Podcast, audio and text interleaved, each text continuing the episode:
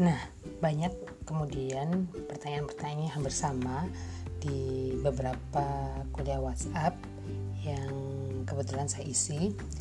Nah, mungkin ada yang sama. Silakan menyimak di episode kali ini ya. Selamat datang di podcast Ibu Produktif, sebuah podcast yang membicarakan hal-hal yang berkaitan dengan ibu rumah tangga, pendidikan, dan produktivitas. Bersama saya, Lydia Nurmawati. Di kuliah WhatsApp yang kemarin, ada yang bertanya, bagaimana cara mengetahui suatu bakat anak dan mulai umur berapa kira-kira bakat anak ini mulai terlihat. Nah, dari yang saya pelajari di buku Fitra Based Education, kemudian juga bukunya Sir Ken Robinson, kemudian juga buku beberapa buku yang lain, sebenarnya bakat ini memang ada pada diri manusia. Ada yang menyebutnya bakat, ada yang menyebutnya elemen, ada yang menyebutnya your voice dan lain sebagainya. Tapi yang pasti ada karena setiap orang ini memiliki kecenderungan yang berbeda, ada keunikan-keunikan yang berbeda. Kalau kita rangkum 0 sampai 6 tahun kita bisa mencatat potensi dan sifat unik anak. Kemudian 7 sampai 10 tahun kita bisa mengeksplor bakat-bakat anak yang sesuai dengan sifat unik. 10 sampai 14 tahun kita bisa sudah bisa menemukan bakat yang pasti dan bisa belajar lebih khusus spesifik dengan ahli atau maestro. Harapannya di 15 tahun sudah mukalaf dan beraktivitas produktif sesuai bakat. Karena sayang sekali misalnya seorang anak ini sebetulnya memiliki bakat A tapi dia diarahkan ke B itu bisa jadi yang pertama tidak optimal karena memang bukan di situ kesenangan dia, bukan di situ kemampuan dia. Yang kedua, bisa jadi nanti akan merasakan jenuh sehingga dia malah mencari aktivitas pelarian yang lain. Ini saya rasakan sendiri karena saya usia sampai 30 tahun itu baru tahu oh ya ternyata bakat saya itu ABC ini. Sebetulnya sebelumnya sudah sudah mendeteksi ya seperti ini seperti ini. Tetapi masih bingung mengarahkan ke mana. Dan ini sangat penting karena setiap orang ini harus diselamatkan.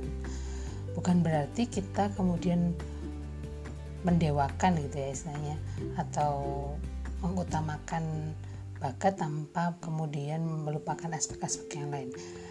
Aspek bakat itu adalah salah satu aspek yang penting karena itu adalah aspek kelebihannya jadi kita harus fokus pada kelebihannya. Catat di buku orang tua untuk dikelak dikembangkan bakatnya. Usia 0 sampai 7 tahun sudah kelihatan dia ini oh bakatnya adalah suka berbicara, dia ini suka suka membuat cerita, dia ini suka misalnya mengotak-atik sesuatu dan lain sebagainya. Setiap anak itu memiliki sifat unik yang positif. Memang 0 sampai 7 tahun belum terlihat bakatnya, tetapi kita sudah bisa menjuluki sifat uniknya dengan positif dan tidak membenturkannya dengan adab. Sudahlah jangan ngomong terus misalnya anak yang suka berbicara, tapi kita mengatakan wah ini adalah orang yang ahli berbicara nantinya. Nah, karena bakat nantinya sangat terlihat di usia 7 sampai 10 tahun, nah kita bisa me mengenalinya dan mencatat. Karena orang ini ingatannya terbatas. Kan sendiri itu mencatat di Google Doc ya sifat-sifat unik dari anak anak-anak. Bahkan kecil mungkin misalnya Iskana yang um, yang paling kecil itu dia suka mengembalikan barang ke tempatnya atau suka menutup uh, tutup botol. Kemudian mereka suka menolong orang misalnya ya lebih responsif terhadap terhadap perintah misalnya dan lain sebagainya. Karena memang anak-anak ini ada yang bakatnya pemimpin ada yang bakatnya pembicara dan lain sebagainya. Nah pertanyaan berikutnya kemudian bagaimana gitu kan mengarahkannya? Tentu saja orang tua harus kemudian mengenali anaknya dengan sangat mendalam dengan membersamai mereka. Ayah atau ibu harus ada salah satu yang lebih banyak uh, aktivitas bersama anak. Memang biasanya adalah ibu karena memang kan ayah ada aktivitas untuk mencari nafkah yang biasanya aktivitasnya itu di luar. Nah pertanyaan berikutnya ada dari ibu Siti. Merasa kurang banget dalam menstimulasi anak-anak untuk lebih mengenal Allah. Selama ini hanya pembiasaan saja. Jadi mereka beribadah seperti robot. Bagaimana langkah awal kita yang sudah terlanjur secara langkah ini supaya anak-anak jadi lebih mengenal Allah. Karena sepengamatan saya selama ini sudah dicontohkan tapi mereka enggan meniru. Nah kalau seperti itu maka kita bisa mengulangi langkahnya langkah C seperti yang di podcast sebelumnya CPAH cinta pahamkan amalkan dan habit sering diajak ke alam melihat kebesaran Allah sering diajak ngobrol tentang kebesaran Allah. Ibu harus cerewet dalam menyebutkan kebesaran Allah. Sering cerita tentang Asmaul Husna dan Rasulullah. Pertanyaan berikutnya dari Ibu Amna. Jika anak sudah terlanjur mengenal JJ terlebih dahulu, itu kalau diajak mengaji itu susah, dibilang mengantuk. Anaknya masih usia lima tahun, ini apa bisa dikerasin? Soalnya kalau kadang ngajarin ngaji itu kadang suka bikin emosi. ya banyak sekali kemudian orang tua yang uh, ingin ya anaknya itu bisa membaca, menulis di usia yang dini. Sebetulnya itu dalam tanda kutip tidak terlalu berguna untuk usia dini membaca, menulis dan itu kecuali mereka membutuhkannya. Saat mereka merasa membutuhkan, mereka akan belajar sendiri sebetulnya. Mereka merasa butuh untuk itu. Sebetulnya itu bisa dilakukan dengan stimulasi saja. Misalnya kita sering membaca kan mereka buku, maka mereka akan tertarik dengan simbol-simbol. Dengan sendirinya mereka akan membaca, belajar membaca mereka kita ajak untuk membaca Al-Quran dengan sendirinya mereka akan penasaran dengan huruf-huruf Arab dan imaji positif itulah yang penting sebetulnya untuk ditumbuhkan di usia 0 sampai 7 tahun dan saya sendiri dulu itu bisa membaca ya. Usia 4 tahun atau tiga setengah tahun kalau nggak salah itu sudah bisa membaca. Tapi sebetulnya itu enggak enggak make sense gitu. Maksudnya nggak ngefek yang gimana? Karena yang lebih penting dari seorang anak itu adalah suka membaca bukan bisa membaca. Yang lebih penting adalah mereka suka belajar. Ya bukan bisa ini itu terlebih dahulu. Dan memang para ahli kan sudah banyak yang mengatakan bahwa memang anak siap untuk sekolah, anak siap untuk baca, tulis dan hitung itu umur 7 tahun. Nah, memang kita kadang dihadapkan dengan bahwa di depan kita itu ada syarat misalnya kelas 1 SD itu sudah harus bisa membaca nah, ini bisa disiasati sebetulnya dengan misalnya orang tua mencari sekolah yang sesuai dengan keinginan orang tua atau yang kedua kita bisa mengajari mereka tapi dengan fun yaitu dengan menstimulasi tadi sehingga memang usia 7 tahun bisa jadi mereka sudah bisa membaca tapi bukan dengan dengan paksaan tapi dengan keinginan mereka sendiri. Saya anak saya sendiri ya Hanun itu Hanun dan Ayas itu sudah sudah mengenal ya sampai Z mereka pakai huruf apa namanya itu huruf Inggris. Itu bukan karena saya mau mengajari mereka tapi mereka selalu bertanya ini bacanya apa? Ini seperti apa? Tulisan cat itu gimana si it gitu dan lain sebagainya membaca ikro pun seperti itu saya cuma menstimulasi seperti menyediakan buku-buku buku-buku bacaan, buku-buku ikro, buku-buku ya buku-buku yang kemudian menarik mereka. Nah, mereka kemudian akan bertanya sendiri sebetulnya kalau mereka membutuhkan. Dan saat motivasi intrinsik itu sudah ada pada diri mereka, sebenarnya kita tidak perlu kemudian mendorong-dorong mereka untuk belajar. Di beberapa penelitian yang pernah saya baca itu memang ada motivasi-motivasi jenis-jenis motivasi dan yang paling mendorong seseorang untuk melakukan aktivitas itu adalah motivasi intrinsik memang motivasi yang kemudian ada dari dalam mereka sendiri. Nah, motivasi intrinsik ini kita bisa dapatkan dari C dan P tadi saat kita menanamkan cinta dan pahamkan itu anak-anak akan mendapatkan motivasi intrinsik. Selanjutnya, pertanyaan dari Ibu Ika, bingung mau tanya apa karena penjelasan tadi ternyata sebagai orang tua masih banyak kekurangan. Selama ini hanya sering mendidik anak. Untuk pola CPAH tadi belum terlambat kan untuk anak usia 7,5 tahun?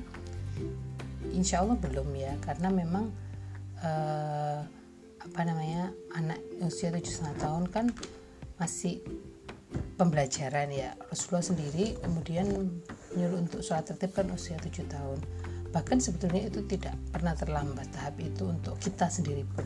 Kalau kemudian kita merasa misalnya ibadah kita masih robotik kita bisa mengulangi angka CPAH itu pada diri kita. Oh ya tadi yang ibu anak kalau anak sudah terlanjur mengenal gadget bagaimana? Nah untuk menggunakan gadget selama ini dibatasi atau tidak? Harus dibatasi. Harus dibatasi karena di era teknologi itu kita memang uh, tidak bisa menghindarkan sama sekali. Misalnya gadget atau televisi atau apa pun tidak bisa menghindarkan sama sekali kalau kemudian lingkungan di sekitarnya masih menggunakan itu. Tapi sebetulnya orang tua itu harus uh, usia dini itu memang seminimal seminimal mungkin untuk mengenal yang namanya gadget paparan layar dan lain sebagainya. Tapi kalaupun memang uh, mereka membutuhkan itu kita bisa mengalihkan ke aktivitas yang lebih produktif.